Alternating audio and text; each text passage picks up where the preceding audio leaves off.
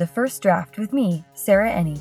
Today I'm talking to Kara Taylor, author of the Prep School Confidential series and a forthcoming book she describes as Dark Places Meets Prisoner, due out from Random House in 2016.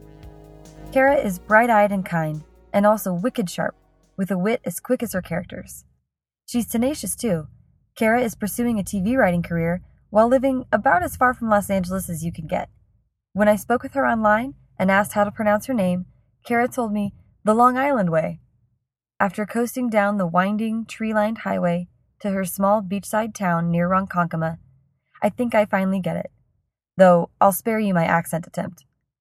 Sometime between lamenting the U.S. men's team's elimination from the World Cup and cracking a bottle of wine to watch drunk history, Kara filled me in on small town Long Island life, wrapping up a series, and hanging with Hollywood producers.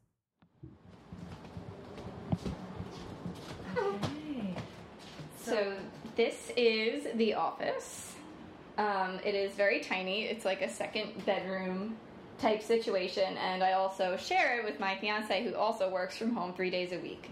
So two days a week, I'm stuck at a table that is probably like 20 by whatever. It's like a little snack table, and I have my laptop on it. And my big comfy chair, but I prefer being at the desk. It's just that I don't always get the desk because And okay, so you actually prefer sit, being able to sit at the desk? Yeah, I love the desk. I love being able to sit at the desk. So when he goes into the office, it's like party time for me. Yeah. This, I mean, this chair is really, really comfortable, but sometimes it makes me want to nap. It's like a giant, one of those swivel giant chairs. It's perfect for napping on, I love it. but not so much for writing. So I definitely prefer the desk. And your uh, okay, so your fiance has this dual screen setup, which Yeah. is amazing. Um, but you Mhm. have your just laptop set down in front. Yeah, I work on my MacBook Air. I don't like writing on desktop computers, probably just because I'm so used to the laptop keyboard. I don't like desktop keyboards, especially with PCs, feel really clunky to me. And I also don't like having my words up on this big monitor because anybody that walks by can just look over your shoulder and see what you're writing. I'm just I'm very private while I'm writing. I don't like people reading over my shoulder, so I love just being on the MacBook. Okay, what I love about that is that you're writing in your home, so Yes. you just don't want your fiance to see. Yeah, it's him, but also his like when he has his friends over, they'll just like come in, oh, and there are no boundaries in this place. Like his friends will just come in and lounge on the chair, and if like the words are up here, everybody can read it. Especially if I'm writing like an awkward scene. Oh yeah. And sometimes he'll come in and like read over my shoulder, and I'm like, get out of here. I used to write on the metro, Uh-huh. and it would be you get to a kissing scene and be like, "Am I writing on the metro?" and just be like. I would when I would do stuff like that in public when I was writing in the library at school, I'd like skip it and go back to it later when I was Like, home. This is a home scene. I think. Yeah. Also, you have Harry Potter up here. I love that. Yes, I have all the paperbacks of Harry Potter, um, which I got my fiance as a gift one year because he said he wanted to read them all and he hasn't touched them yet. That was like four years ago, but someday I'm going to read all of them. You have this beautiful window right next to the desk. That's Yeah. Got, you look out on green and just trees. So we're in a condo complex and there's a huge backyard area. It's kind of like a communal backyard. Sometimes people will like play sports out there and stuff, but during the day, like on a weekday like this, it's completely silent. And it's just a big, huge yard. It's quiet. The air comes in. The cattle come in and like look out the window and keep me company. You did mention that people are coming and going and friends are over and all this. So you're writing with like maybe a lot of distractions. Is that Yeah, yeah, no, it definitely does. My, I want us to get a house someday where I can have my own office, and I would love to be in the basement. My dad works from home, and in my parents' house, he works from the basement, Interesting. which is awesome because it's really quiet. It's it's very hectic here, especially because he works from home, yeah. and sometimes he'll walk around singing and stuff. Just like get out. so, uh, and then the cat takes up about a quarter of this room because every single room, the cat has stake in. His little Ottoman kitty condo is in here, and also his purr pad. the fur The purr pad, it sits on them and it reflects their body heat and keeps them warm. It doesn't bother you to have the cat in here while you're writing. No, it's it's actually comforting because I do get lonely when I'm alone here during the day, and he'll just be in his condo or he'll be um looking out the window. It's funny because when I get up and I'll be doing stuff like I'll do laundry or something, and I'll come back and my computer will be out of hibernation, and there'll be like all these lines of gibberish that the cat put into my manuscript. His contribution. Yeah, he went through a phase where he just had to be laying on my computer all the time, but he hasn't done that in a while. Awesome. Is there anywhere else that you write besides at home? Um, no, I'm not a big like coffee house type person. I get distracted really easily, so when there's like hustle and bustle and I like to people watch, I don't do well in the Starbucks type Yeah. type setting. I used to I loved writing in my college library, but now that I am not a college student anymore, I cannot write there. Do you have a library nearby that is? Yeah, we, we do. Um, but there it's a it's a huge one and it gets really crowded. My college library, nobody ever went there except for finals week. And they had those little study corrals. It was amazing. Yeah, those are big. A lot Yeah. of people are talking about using those. So let's start at the beginning. So where where were you born and raised? I was born and raised here on Long Island. Um, I my parents lived in California, and so I was almost born in California. But they decided that they wanted to raise a kid where their family, where where they grew up. So that is how I wound up being born on Long Island. Cool. So your whole extended family and everybody. Yeah, everybody's here. And I had never been to Long Island before, so this Uh-huh. is really awesome. It's beautiful. Mm-hmm. And I was sort of saying it reminds me of Cape Cod just because it's so green and we're sort of down closer to the water and Yeah. there's really adorable homes and white picket fences, like the whole nine yards. It's awesome. Yeah, people don't. A lot of like what people think of Long Island, they see on TV. It's like the Long Island medium, or Right. and it's more suburbia. It's just we have everything here. It's not all. It's not all suburbia. We have a lot of beachfront communities Yeah. and.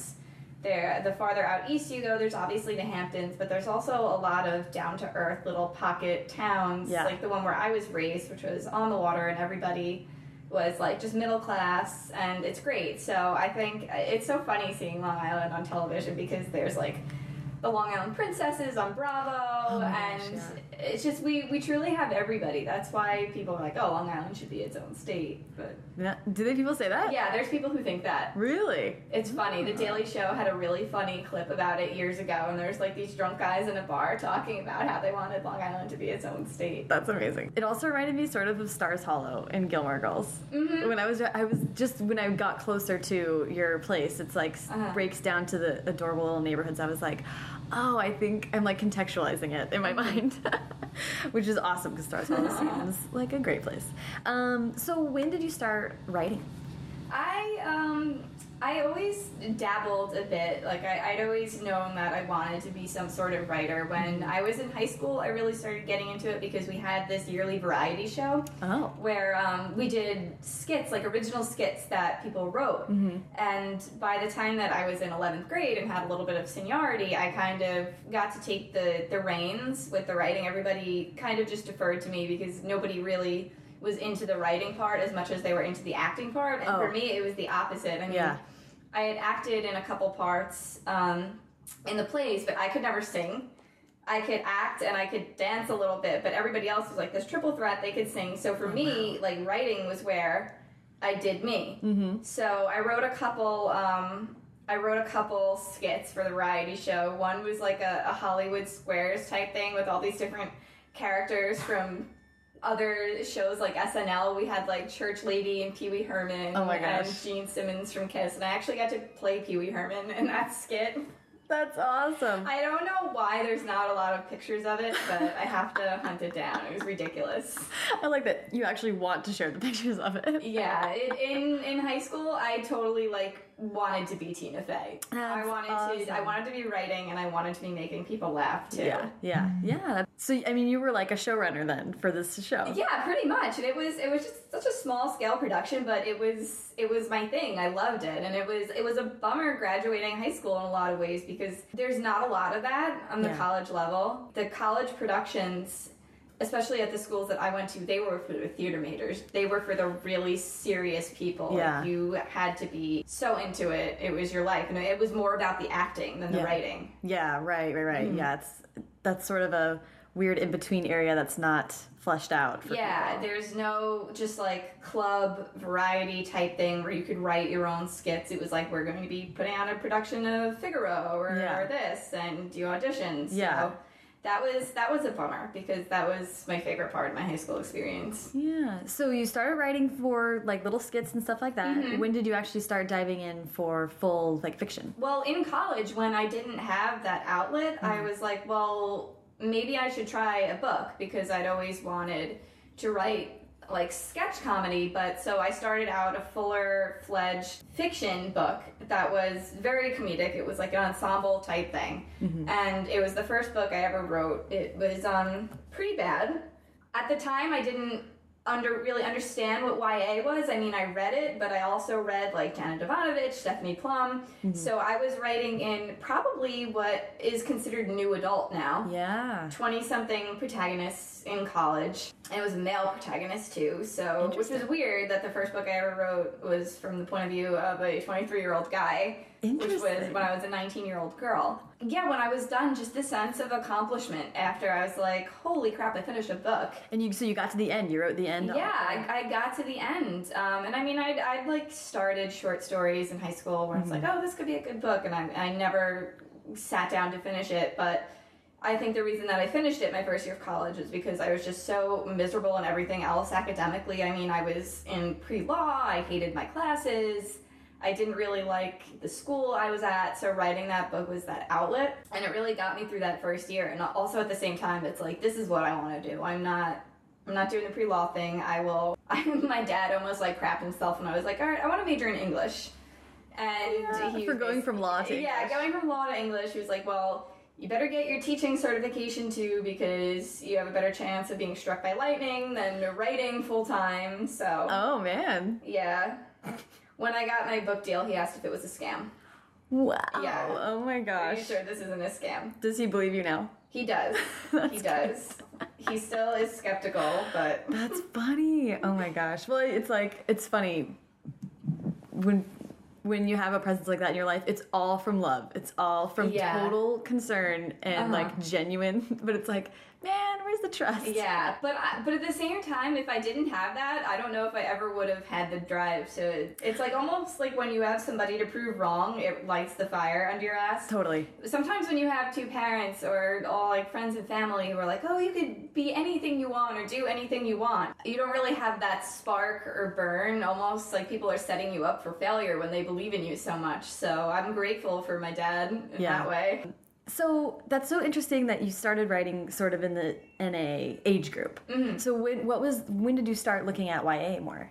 Well, I actually made like the biggest mistake that everybody makes after their first book. I tried to find an agent for it, and um, not a lot of agents read it. I it just it wasn't ready. It was a, a really bad query letter, but a few very kind agents did give did give me feedback, and basically what they said is. This feels your voice feels very YA, but these characters are too old. You should mm-hmm. probably age them down and think mm-hmm. about writing in YA. And mm-hmm. something just clicked for me because I mean, I'd always read YA. I was a big fan at the time. I mean, I'll admit I read all of the Twilight books when they first came out, and I 100% did. yeah, Into 'em. And Still have 'em. I think Twilight got a lot of people into writing YA, and I think that is amazing because I know that it got me into writing YA because at the time I was already writing, but I didn't really know what space I belonged in Right. and something just clicked like with the feedback I was getting and with Twilight I was like yeah my my voice is I was I was 19 20 at the time. Mm-hmm. And there weren't a lot of books being written for people in my age group but what I noticed that me and all my friends we were reading Twilight we were reading Hunger Games we were reading they call it reading down but I mean it, it's great literature. It, Yeah. it's out there. It's it's for us. I just think that YA is putting out some of the boldest best freshest voices. Yeah.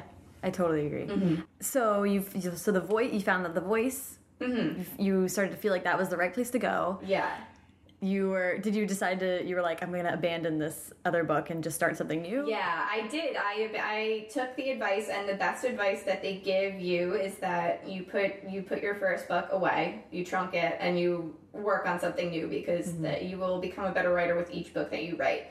Um, so I wrote a YA novel, a contemporary, and this time it was a girl, um, an 18 year old protagonist, and I wrote that book while I was in my second year of college. And that book is eventually what got me my literary agent. That book ultimately didn't sell, but it got me my literary agent, and that just changed the trajectory of my entire career because I had somebody on my side who eventually did get me many deals. And just awesome. So a lot of people look back and they're like, oh, but that book never sold.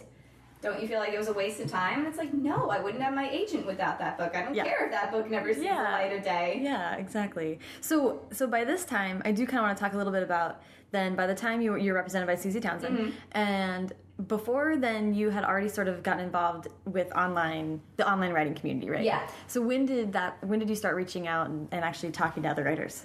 Um, it was it was actually before I signed with Susie because I think the the biggest thing that writers in the early stages bond over is the process of querying and researching agents and looking for agents. So um, Absolute Write is where I went as a resource, and I realized that this this isn't just a place where people talk about agents and research agents. There's actually social pockets within that. Yeah. And especially there was a thread called Old People Writing for Teens. Um, it was kind of weird because I was 20 and going Yeah. into an old people thread, but nobody nobody was old. There were people my age. Yeah. Uh, there were people that were mostly all women, but married with children, Mm-hmm. and it was just really cool. Everybody's so accepting, and even though that that board, I don't think it, it's active anymore, or even though I'm not a part of it, those lasting relationships, I started trading books with people, we beta read, and I'm still in touch with almost everybody Yeah. from that original board because a lot of people moved over to Twitter and, of mm-hmm. course, to stay in touch. Mm-hmm. I've met people in person now, which is awesome. Yeah. How did that change? Because that was before you said, like, like you said before, you got an agent and everything like mm-hmm. that, and of course, getting an agent changes your career. But but finding other writers, I feel like changes. Oh yeah. It's, Everything. Yeah, it changes everything. It's uh, you, nobody writes and revises in a vacuum. If somebody says that they just found an agent and nobody ever read their work or critiqued it, like I kind of want to call bullshit in a way because the only way to grow as a writer is one, keep writing more books. And two, get feedback from other writers. I mean, it's great to have your mom or your boyfriend Right. read your book, but you need another writer to look at your book. I just remember the first time getting feedback on a manuscript from a beta reader that I found on Absolute Write. I was just like, wow, I have never thought about this before. Why is this character doing this? Or, wow, I do use a lot of dialogue tags. Right. And it's great because it's not somebody sitting there and editing your work. It's it's a conversation, the trading of emails. Um, And like to this day, I have two or three people where we trade everything that we write. Mm-hmm. It, it's like having somebody in your corner Yeah. and a voice in your head while you're writing. All right, I have to send this to Lindsay or Kathy. Yeah. Or, it's just awesome. Yeah. The how did the process go of like finding the right beta readers? I think that's sort of a, an involved. Yeah, process. it is. And I, I've traded books with a ton of writers. I've, I've read books from writers and they've never read my stuff. Um, it's just it kind of evolves organically over time. I think at one point when I when I first started writing and first looking for an agent, I was swapping books with like as many as five or six people. And it, it kind of over the years whittled down to like two people mm-hmm. that I'm still in touch with. Yeah. It, it's like any relationship or any friendship in a way. If, if a friendship comes out of it, it- you're invested in somebody else's Yeah. and somebody else's writing. And if somebody is writing in a genre that you don't normally read and you're you're just reading to critique it, you're not going to keep wanting to read more things from that person. It's just it's a matter of taste. And I look at the people that I've stayed in touch with and the people that I still read their stuff.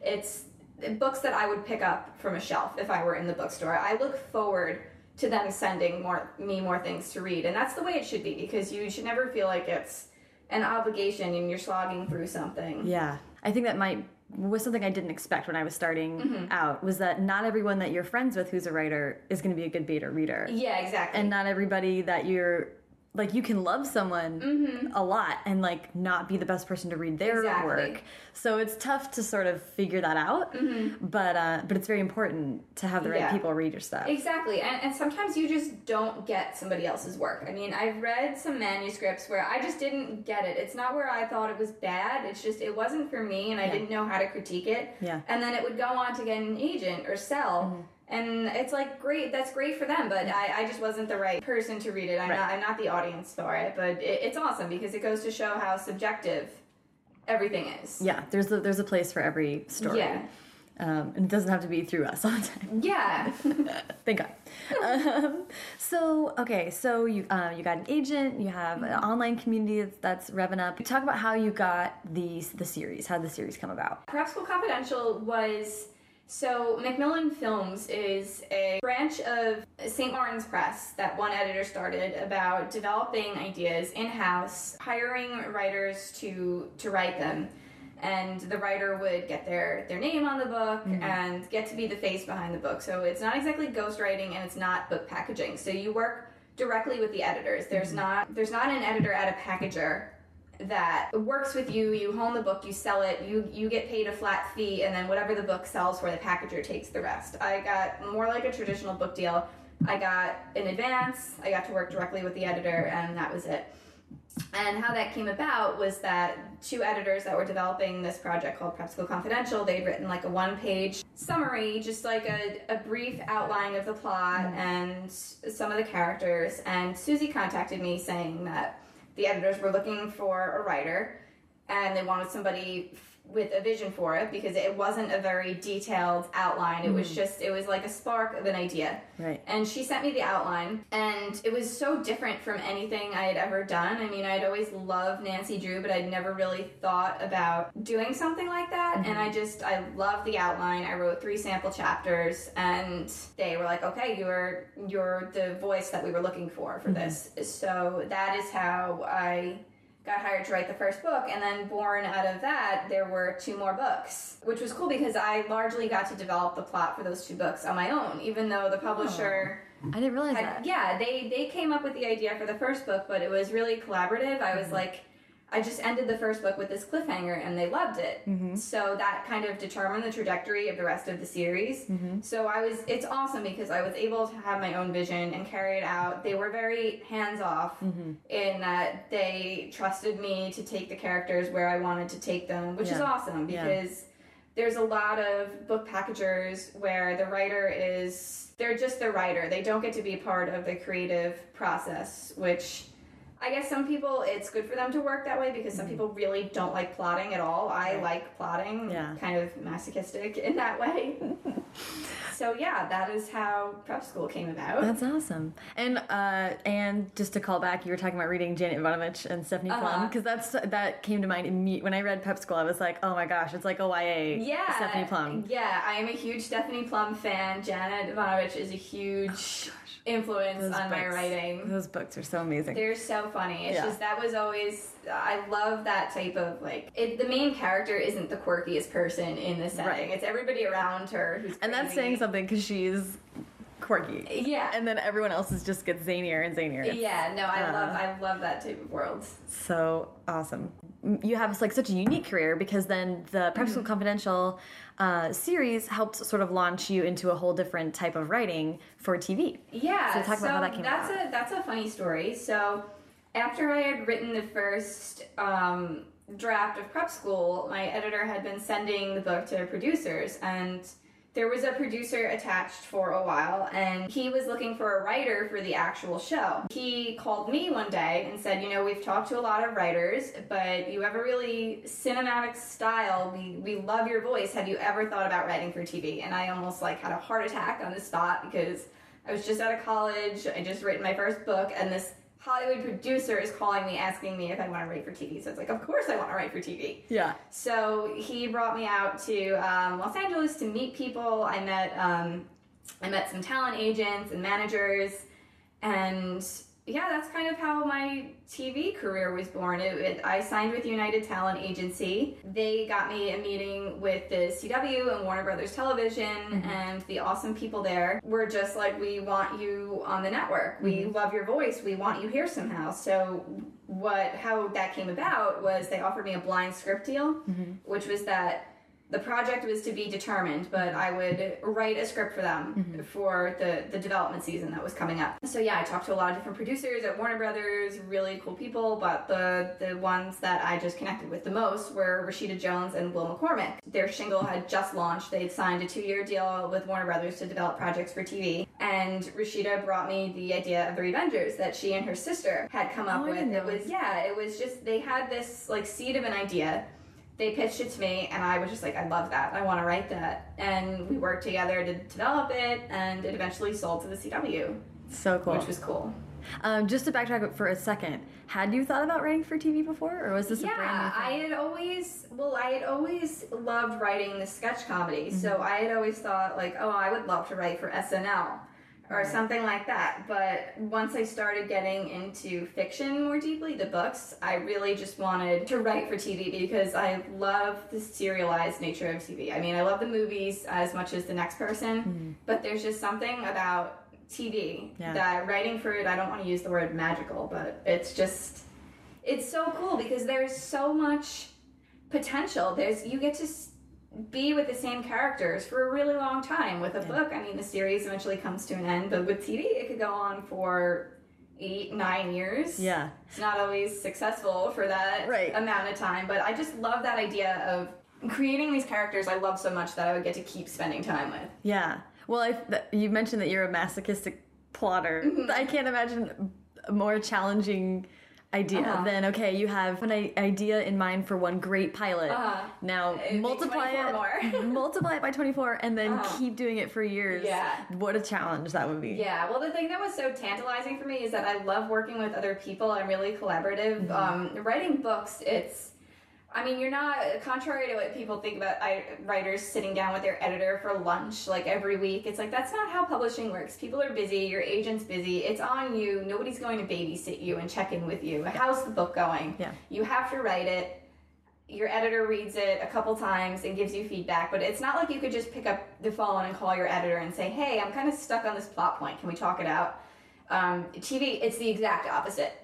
Well, while I was writing the pilot for the Revengers, the people were calling me, checking in all the time. Mm-hmm. Oh, maybe we should do this. Here's an idea, and it, it- there's people just feeding you ideas. I love that, and especially like the idea of being in a writer's room where you have all these people breaking stories mm-hmm. and all these ideas being brought to the table. I think that would that's just a really awesome way to work. Yeah, though It's that's really cool. That is super interesting because I mm-hmm. think you would find maybe most. I'm just going to generalize. Maybe most people who sit down to write a novel mm-hmm. would hate that. Yeah, yeah, because you're giving away so much control. Right. Yeah. Or people saying, I mean, I know I've like tried to brainstorm with people before, like, and sometimes people are open to it and they're in that place where it's Uh-huh. okay, and other times people are clearly like, I don't want your idea. Yeah, exactly. They they want to write down all their ideas and then have people tell them it's either great or bad. Yeah. They want to be the ones generating the ideas. Right. I I love other people's ideas. The opening scene of the Revengers, the cold open, which happened in like the backseat of a cab, was completely one of the producers' ideas. He was like, "Wouldn't it be cool if she were in the backseat of a cab?" blabbing and you think she's like framed like she's in a psychiatrist's office but she's blabbing to the cab driver you find out and i was like i love that and the great thing is that i can use that mm-hmm. so it's it's great. I love working that way, but I do agree. I think a lot of writers would have a major problem with that because Yeah. they want to be in control Right. Of everything. But maybe it also comes from my background of that prep school was originally not my idea. I was building off of somebody Right. else's idea, and like ninety nine percent of television. The writers are it was it did not just come from their brain. Somebody brought them a property or somebody had the seed of an idea mm-hmm. and the television industry and the film industry is largely write for hire. And in, in publishing, write for hire kind of has this negative connotation, but that's just the way that, that things are done in Hollywood. Right. The writer is is is just the writer. Mm-hmm. There's so many other voices and ideas going into it. I like working that way Yeah. because I mean, it's definitely high pressure at the end of the day when your name is on the script, but Right. there's a lot of other voices going into it. Right. But I I just love working that way. That's so cool. I think that's amazing. And Well, and it's really neat that you know that about yourself and that you mm-hmm. can like that there is a place that you can get energized in that way mm-hmm. and, and work that way. And that you can do so remotely. Can you talk about because you you have no plans to move to LA? You are here. Yeah, it was it was really interesting because when you're developing a TV show, everything is done over the phone or Skype, so you don't really need to be in Los Angeles. The, the, I had to travel out there to pitch it to the networks and stuff, and if it had been picked up to pilot and a pilot was being filmed, um, I would have had to be on location wherever they did decide to film it. Right.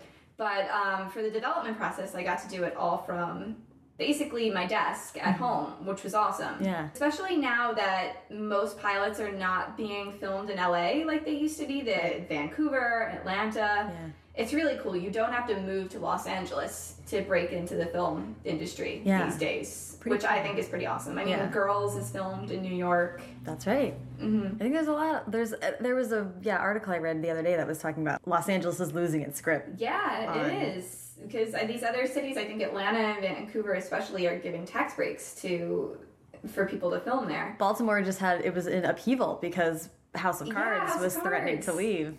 Uh, unless they gave him more more breaks, Yeah. and they did it. They jumped out through hoops to Yeah. keep to keep Kevin Spacey in town. yeah, well, it's awesome because it creates jobs for these places that you wouldn't really associate with Yeah. the film industry Yeah. normally. Like Atlanta is becoming a little Hollywood, and I think that's awesome. Yeah. because Hollywood shouldn't be this mythical place that you have to pick up and move to if you want to make it as a writer. You can Yeah. make it as a writer anywhere now if you work hard enough Mm-hmm. and just really want to do it. It doesn't seem on the surface, I think, to a lot of people necessarily all that different, but writing a script, even like getting down to the details, Mm-hmm. Uh-huh. like the font. Yeah. Like it's different on a granular level. It's so how is very, how very is different. the transition? The biggest th- note that I got the first time I was writing a script, it's like, why is there so much narration in the stage directions? Yeah. Like, and then the producers would realize, oh, you write novels, that's why. There's like a novel in between everything of uh, dialogue and character action. Yeah, so I had to learn uh, brevity because when you're writing a book, I mean, nobody wants to turn in a 100,000 word manuscript to their editor, but it's it's a lot less rigid with word count. In scripts, it's all page count. Everything has to fit into for a network pilot, sixty pages. So um, For, had- that's for an hour long drama. yeah, for an hour long drama, it's 60 pages, and even that gets trimmed down um, if the pilot's actually filmed. So I had to learn how to convey things that you would normally convey through narration when you're writing a book, a lot of internal monologue, and without using voiceover because you don't always want to use voiceover in a pilot. You have to convey things through the dialogue and the interaction between the characters. It's all, it's like writing a play. Everything is in the dialogue. Things have to come out through the dialogue, which sometimes is it feels a little exposition heavy when you're relying on dialog So that was definitely a challenge. Um, one of the challenges in writing The Revengers is that these characters, these two female characters, had a really complicated backstory. And the reason we went through so many rounds of revision, it's like, well, how do we get that backstory out? In a way that's clear and not confusing because that's hard to do with dialogue, especially when you're dealing with characters who don't want to talk about it. Right. In a book, you could take like three pages and it's like, all right, here's what happened. yeah, yeah. So that that's definitely a challenge. But one of the things that I like the most is that I love dialogue. My books are very dialogue heavy, mm-hmm. and that's the biggest part of writing a script is the dialogue. But definitely the narration was the biggest thing, and formatting too is. But that's something that's very easy to learn if for somebody that's thinking about transitioning from novels to, to mm-hmm. TV or film. I mean, the programs format everything for you, Yeah. basically. Script. You just open a, a script in Scrivener. And Yeah, pretty much. It's got it all set up for you. Yeah, the learning the learning curve wasn't wasn't too bad. It's it's more like stylistic things of learning how to turn off the novel writer in you and Right. being really you have to say more with fewer words, Right. especially in narration. That's why. And that great article you sent me about the uh, the writer of Lethal Weapon and was it Lethal Weapon or was it Blade Um, Runner? I think it was le- no, it was Lethal, Lethal Weapon. Weapon. Yeah, yeah, yeah. Yeah, his narration is just hilarious. It makes you enjoy reading the script. Yeah. Because you want whoever is is reading the script to be invested in these characters uh, because of something other than just their dialogue and what they're saying. So you can play around with the the, the directions a little bit, but you always have to keep it keep it brief. Yeah, and it's a little like inside baseball. Like you want your script to stand out to people. Yeah. The people who actually have to read what's on the page, Mm-hmm. Uh, which are, is not an audience at all yet. It's people who read. It's someone that's reading a pack of Uh-huh. Yeah, scripts a day, exactly. Mm-hmm. and somehow yours has to differentiate itself. So, so the TV, the, the Revengers, where did that go? How did that? Mm-hmm. It, it did not get picked up to pilot, which um, means that so the way that for anybody that's not familiar with the way that the network seasons work is that networks buy a lot of pitches and then the writers write the pilots they turn them in and then in january out of a pool of like maybe 25 30 shows that got bought only about six to eight for well for the CW only six to eight get made into pilots. Um, for net for the other networks like ABC and NBC, sometimes it's as many as ten or twelve that get filmed. But so the Revengers didn't make the cut. It was it was kind of a bummer, but we knew it was coming because it was a really strong season for the CW. They had the Flash, um, which was pretty much a lock. There was a Supernatural spinoff. And especially when you're talking about um, something that's a more grounded female dramedy, there's just not as much of that on TV anymore. Right. So it didn't get picked up to pilot, but um, Warner Brothers still will try to do something with it. I mean, the script is theirs. Mm-hmm. So you, it's not necessarily the end of it. Yeah, it's not necessarily it. I mean, uh, in all likelihood, it's it's the end of it, but because there's only so many networks that you could go to, and it's not like in publishing where you have lots of imprints that take on the same thing. Each network nowadays has their own brand and are only they're only looking for certain things. Some networks won't even look at teen stuff anymore. Like obviously something like NBC, they don't want teenager shows. Right. ABC wants things that are more soapy. CBS likes procedurals. So when you're looking at a certain type of script, there's just networks that you could cross off the list, and there's only so many that you have left. Right. But um, I I think it's interesting that Amazon and Hulu are, and Netflix are entering the fray, which is cool Yeah. because it's it has the cable sensibilities, but um, they're they're really piggybacking off of people's desire to binge watch things. Yeah. Yeah. So that's what. So TV is headed in a really interesting direction. So even though this show didn't get picked up to pilot, I would love to keep writing for TV and not just have that mindset like I want a show on network television. Right. It's really cool to think about doing a show for something like Netflix Yeah. and having all of it available at once. Yeah. Oh my gosh. Yeah. Like having something you wrote burst out there like Orange is the New Black would Yeah. just be unreal. I know it's it's cool. TV's heading in an exciting direction. Yeah. Well, that, that's kind of what I'm getting at with the question is like the Revengers was an amazing like first opportunity for you, and now sort of how does it look going forward? What how do you um um what are the steps to like continuing a career in writing for TV?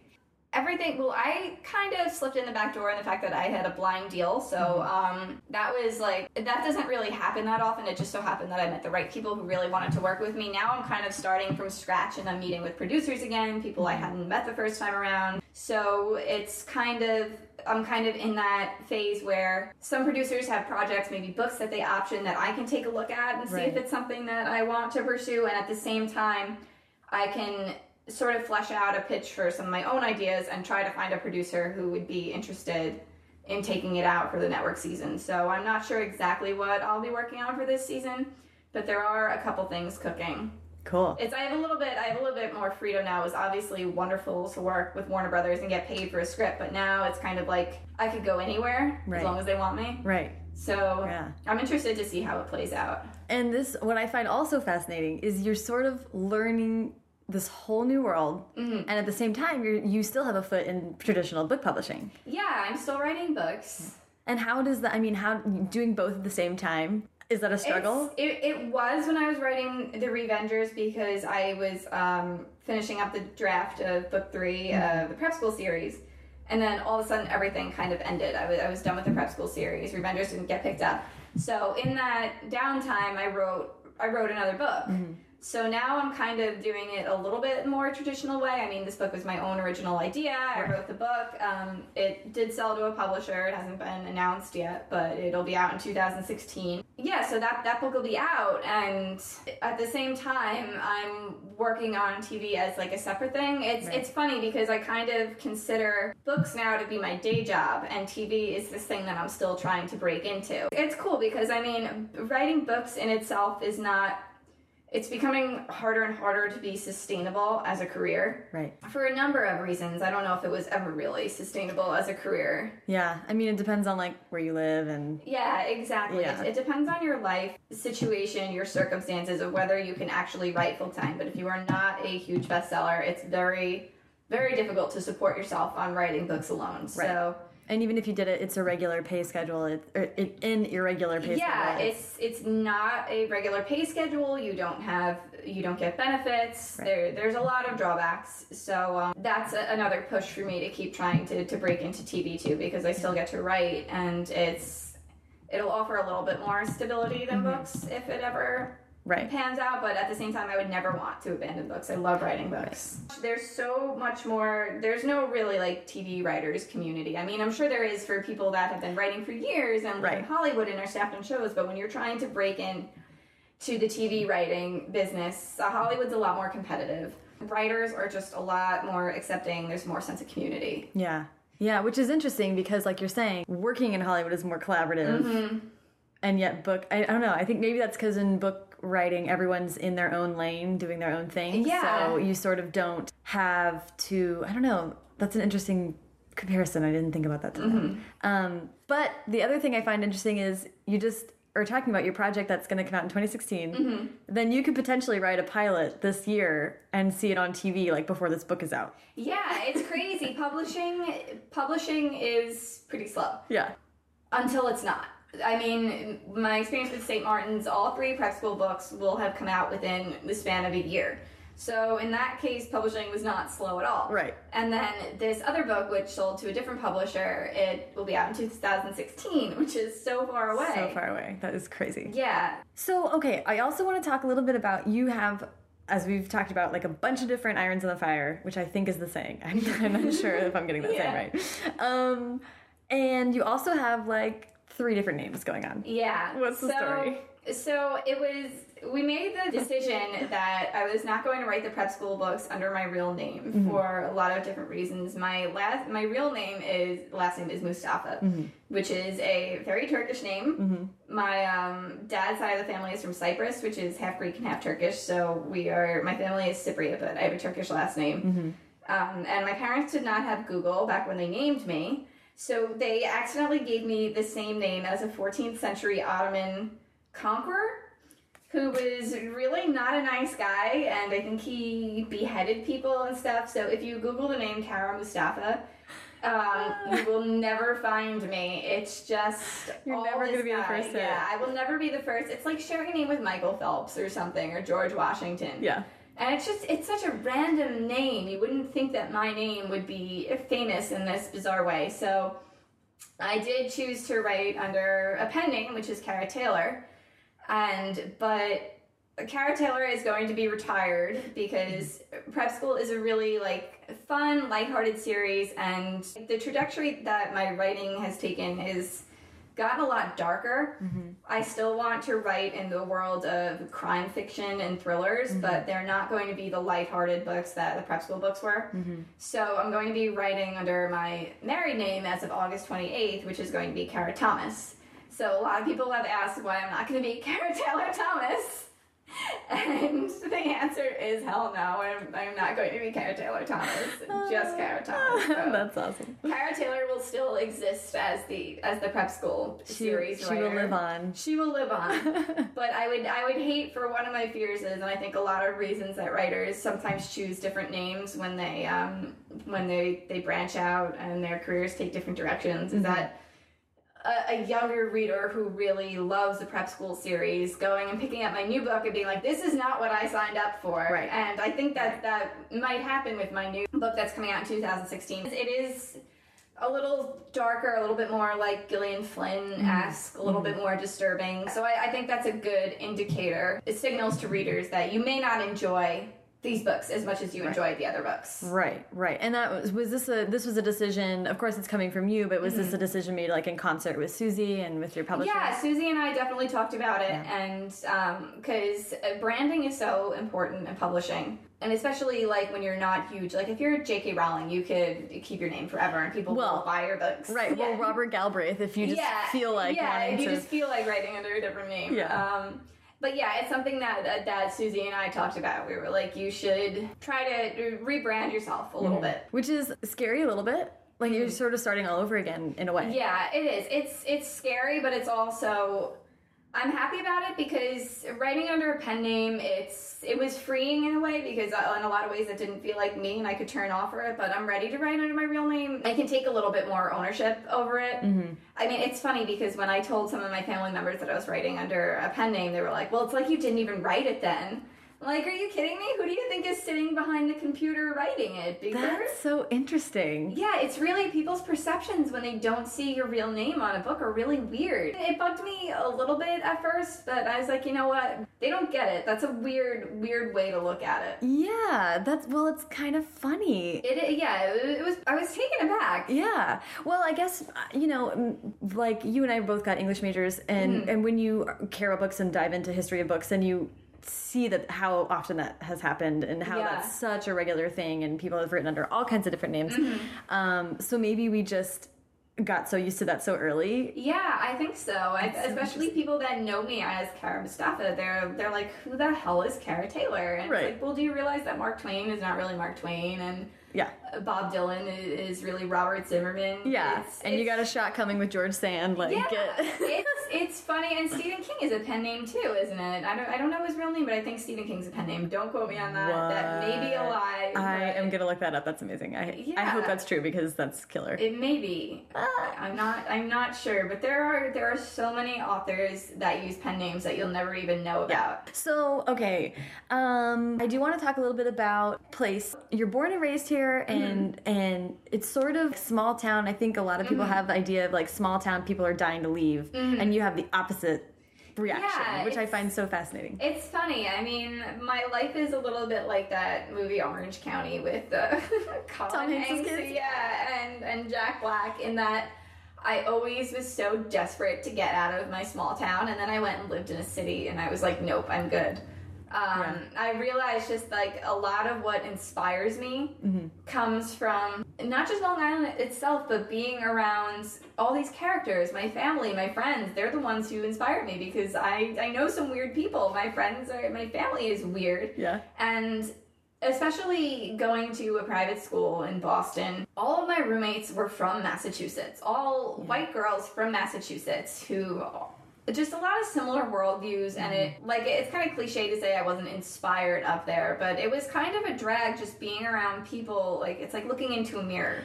right. It's I like being around people who haven't had the same experience as Right. me. And when I transferred to Stony Brook, which is a state school on Long Island, it's a huge state school, really big international population. I was going to school with like a 45 year old African American woman with three kids who are my age, and we became friends. This Yeah. woman and I did. I became friends with people from Korea, from Canada, and it was really cool. And a lot of people, since it was a, since it's a state school and it's affordable, there were a lot of people that were going back to school after a long time. So. Right.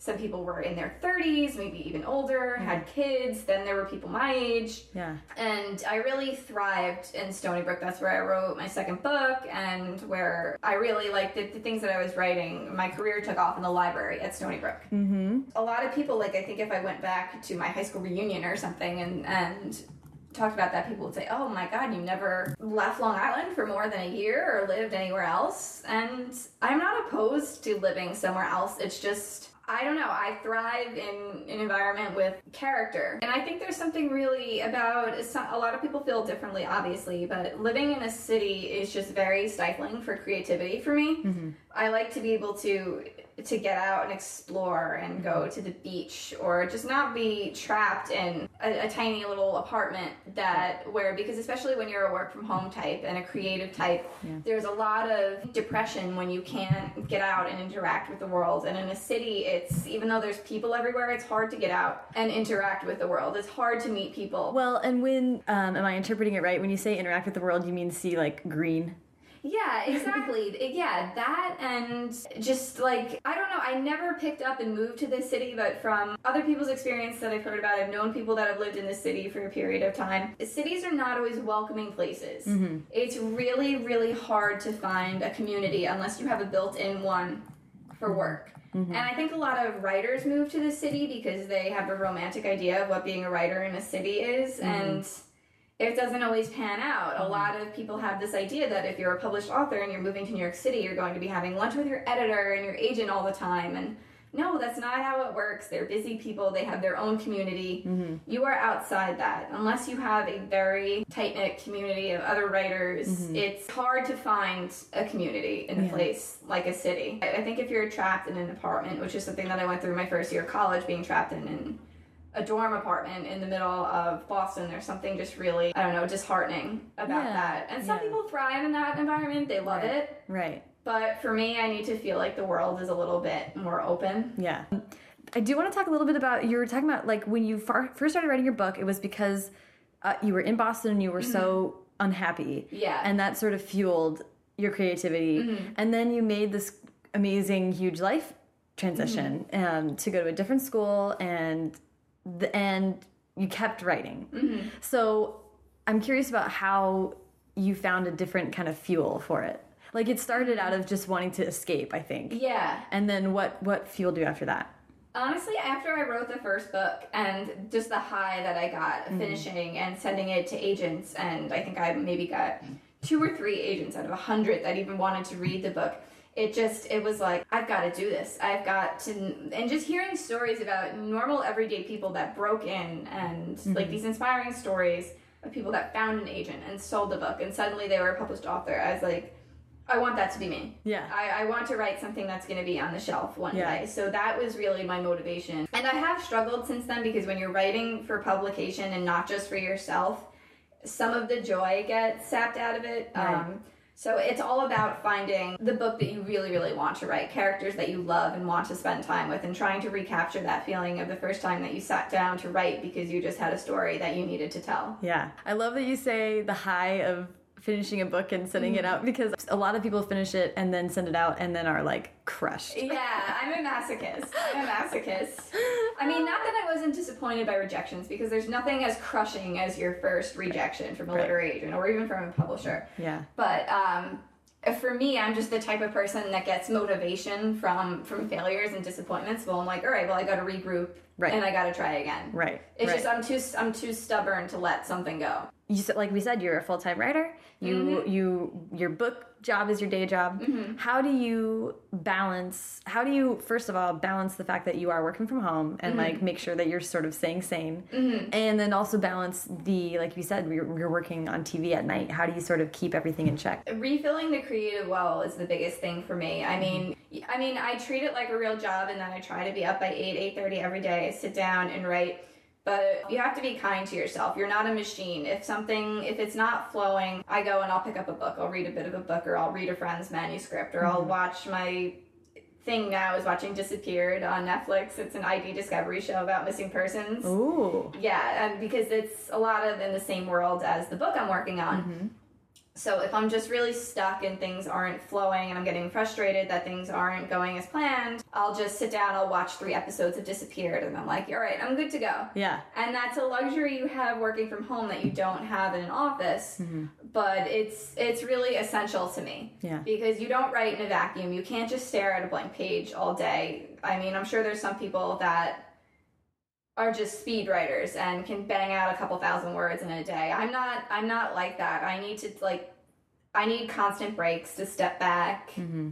Mm-hmm. I'm not because I've always been the type of writer that like I like to go back and reread what I wrote and tweak it a little bit. I'm not the type that can just marathon until the end. And I think it's because I'm a perfectionist. yeah is that what you were talking earlier about doing national novel writing month Yeah. that would sort of be tough Yeah, I don't know if I could. That's kind of why I put it off doing it because, I'm like, I know, I know, I would never finish. I'd want to go back and, and do you revise. do you feel like you're okay with your process or do you think doing something like nano might sort of shake you out and let you just rush through and Yeah. write do you feel like that would be a good thing or do No, you I think would be a good thing. I um, I kind of had to break out from that a little bit writing the third prep school book because I, I had so short of a timeline to write it, and it, it was really freeing. But at the same time, it was a very short publication schedule. And going back, there's so many things I would change about that book if I could. right And I think a, a, a lot of writers feel that way. I mean, unless you're George R. R. Martin and you're getting Oh, several years to write a book Yeah. and make sure it's perfect, that's it's not a perfect world. 99% of authors don't get the extension that, that they really want because I mean, I think a lot of writers are perfectionists.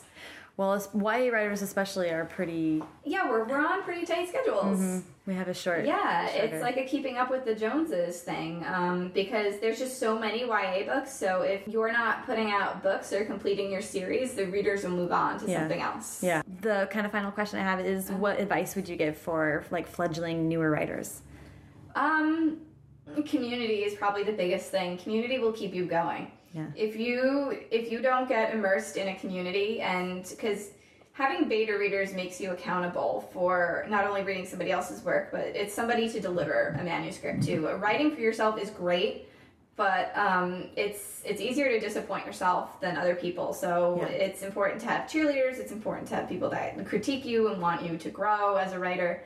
I think if I hadn't found that community, I probably would have just written writing off as kind of like a pipe dream and moved on to something else. Yeah. Um, so yeah, that's the biggest thing, especially when you're just like once you finish your first book, even your second book, just go and find even and Twitter makes it so easy now. Yeah. There's tons of aspiring writers on Twitter, tons Mm-hmm. of published writers that interact with uh, aspiring writers. It's Yeah. great. Just find people who are at the same place that you are, and then Mm-hmm. also find people who are maybe a little bit behind you or a little bit ahead of you, Yeah. and Yeah. just keep the community. I think, like you mentioned earlier, a lot of people have quit, like have Mm-hmm. sort of left along along the road. Like you and I have been friends and on Twitter and active Mm-hmm. in the community for years. And I think back to a lot. I mean, so many of the people that I first met when I joined Twitter Uh-huh. are still here, and that's so exciting. And then so many, I'm like, oh yeah, whatever happened happened to you? this person, they fell off the face of the earth. And I think Mm-hmm. having beta readers and being really active in the community is something that will keep you from Yeah, exactly. it's the like you, if you wake up in the morning you're like i just i don't think i can do it anymore and then you're like well, Mm-hmm. how am, am i gonna email Kara and say by the way i'm not writing anymore Yeah. like it's not gonna happen no, that, that's ex- that's exactly it. And I've Yeah. had the moments where I'm like, I can't do this shit anymore. And I've emailed people who were like in the middle of reading my stuff, and I'm like, you know, it's just a really bad day. The rejections, and they're like, well, I just read your first three chapters, and I really love them, so you have to finish the book. And that that's what keeps me going Yeah. a lot. yeah It's great. I mean, because I mean, your agent is there to, to support your career, but your agent can't make you write. Writers, we have a lot more control over our career than Yeah. we think. Somebody, a friend of mine, went to the RT conference in um, New Orleans this year, and she said that somebody said to her that the only thing in this industry, it, that your career that you can control, is your writing and how you treat people. And it's like, oh my god, that is so spot on yeah because you cannot control your sales. You can huff and puff and put your own money into marketing Yeah. or plaster the social media with your face and your books. But at the end of the day, the only thing that you control is the books that you put out and the community that you're a part of by how you treat people Yeah. and who you're friends with. So yeah, that really kind of that was a light bulb moment for me. That's that stuck with me and I was like, all right, you really just have to focus on the type of, of things that you're creating and Yeah. putting out into the world and focus less on the worries about the industry and the panic about will self-publishing will publishers even be around in 10 years it's Yeah. just focus on your own writing yeah yeah what's that there's a uh, Holly Root, the agent, right, has their saying, Mm-hmm. "Keep your eyes on your, on your on your own test paper." yeah exactly Yeah, and I think it's a really good. Uh, Twitter can be so amazing for finding other writers and community, but you've got to take breaks from it too. And that's something that I'm trying to do more because, like, when you've had a bad day and you didn't get your words in, and then somebody tweeting, "Oh, I got five thousand words in today," or the rights report comes out and this book sold that sounds exactly like mine, it could just put you in such a funk. So it's Yeah. definitely good to unplug. yeah, yeah. for just like a couple days at a time. That's huge, and that's Mm-hmm. yeah. That's there's some days where it's like you're I'm scrolling through and like hate reading Twitter, Yeah.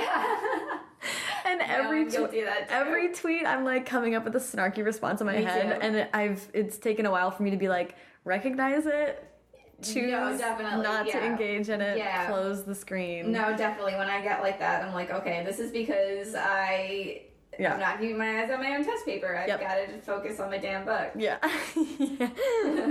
Hate reading Twitter. Yeah. Worst. Um awesome. Well I think that's all we have for today.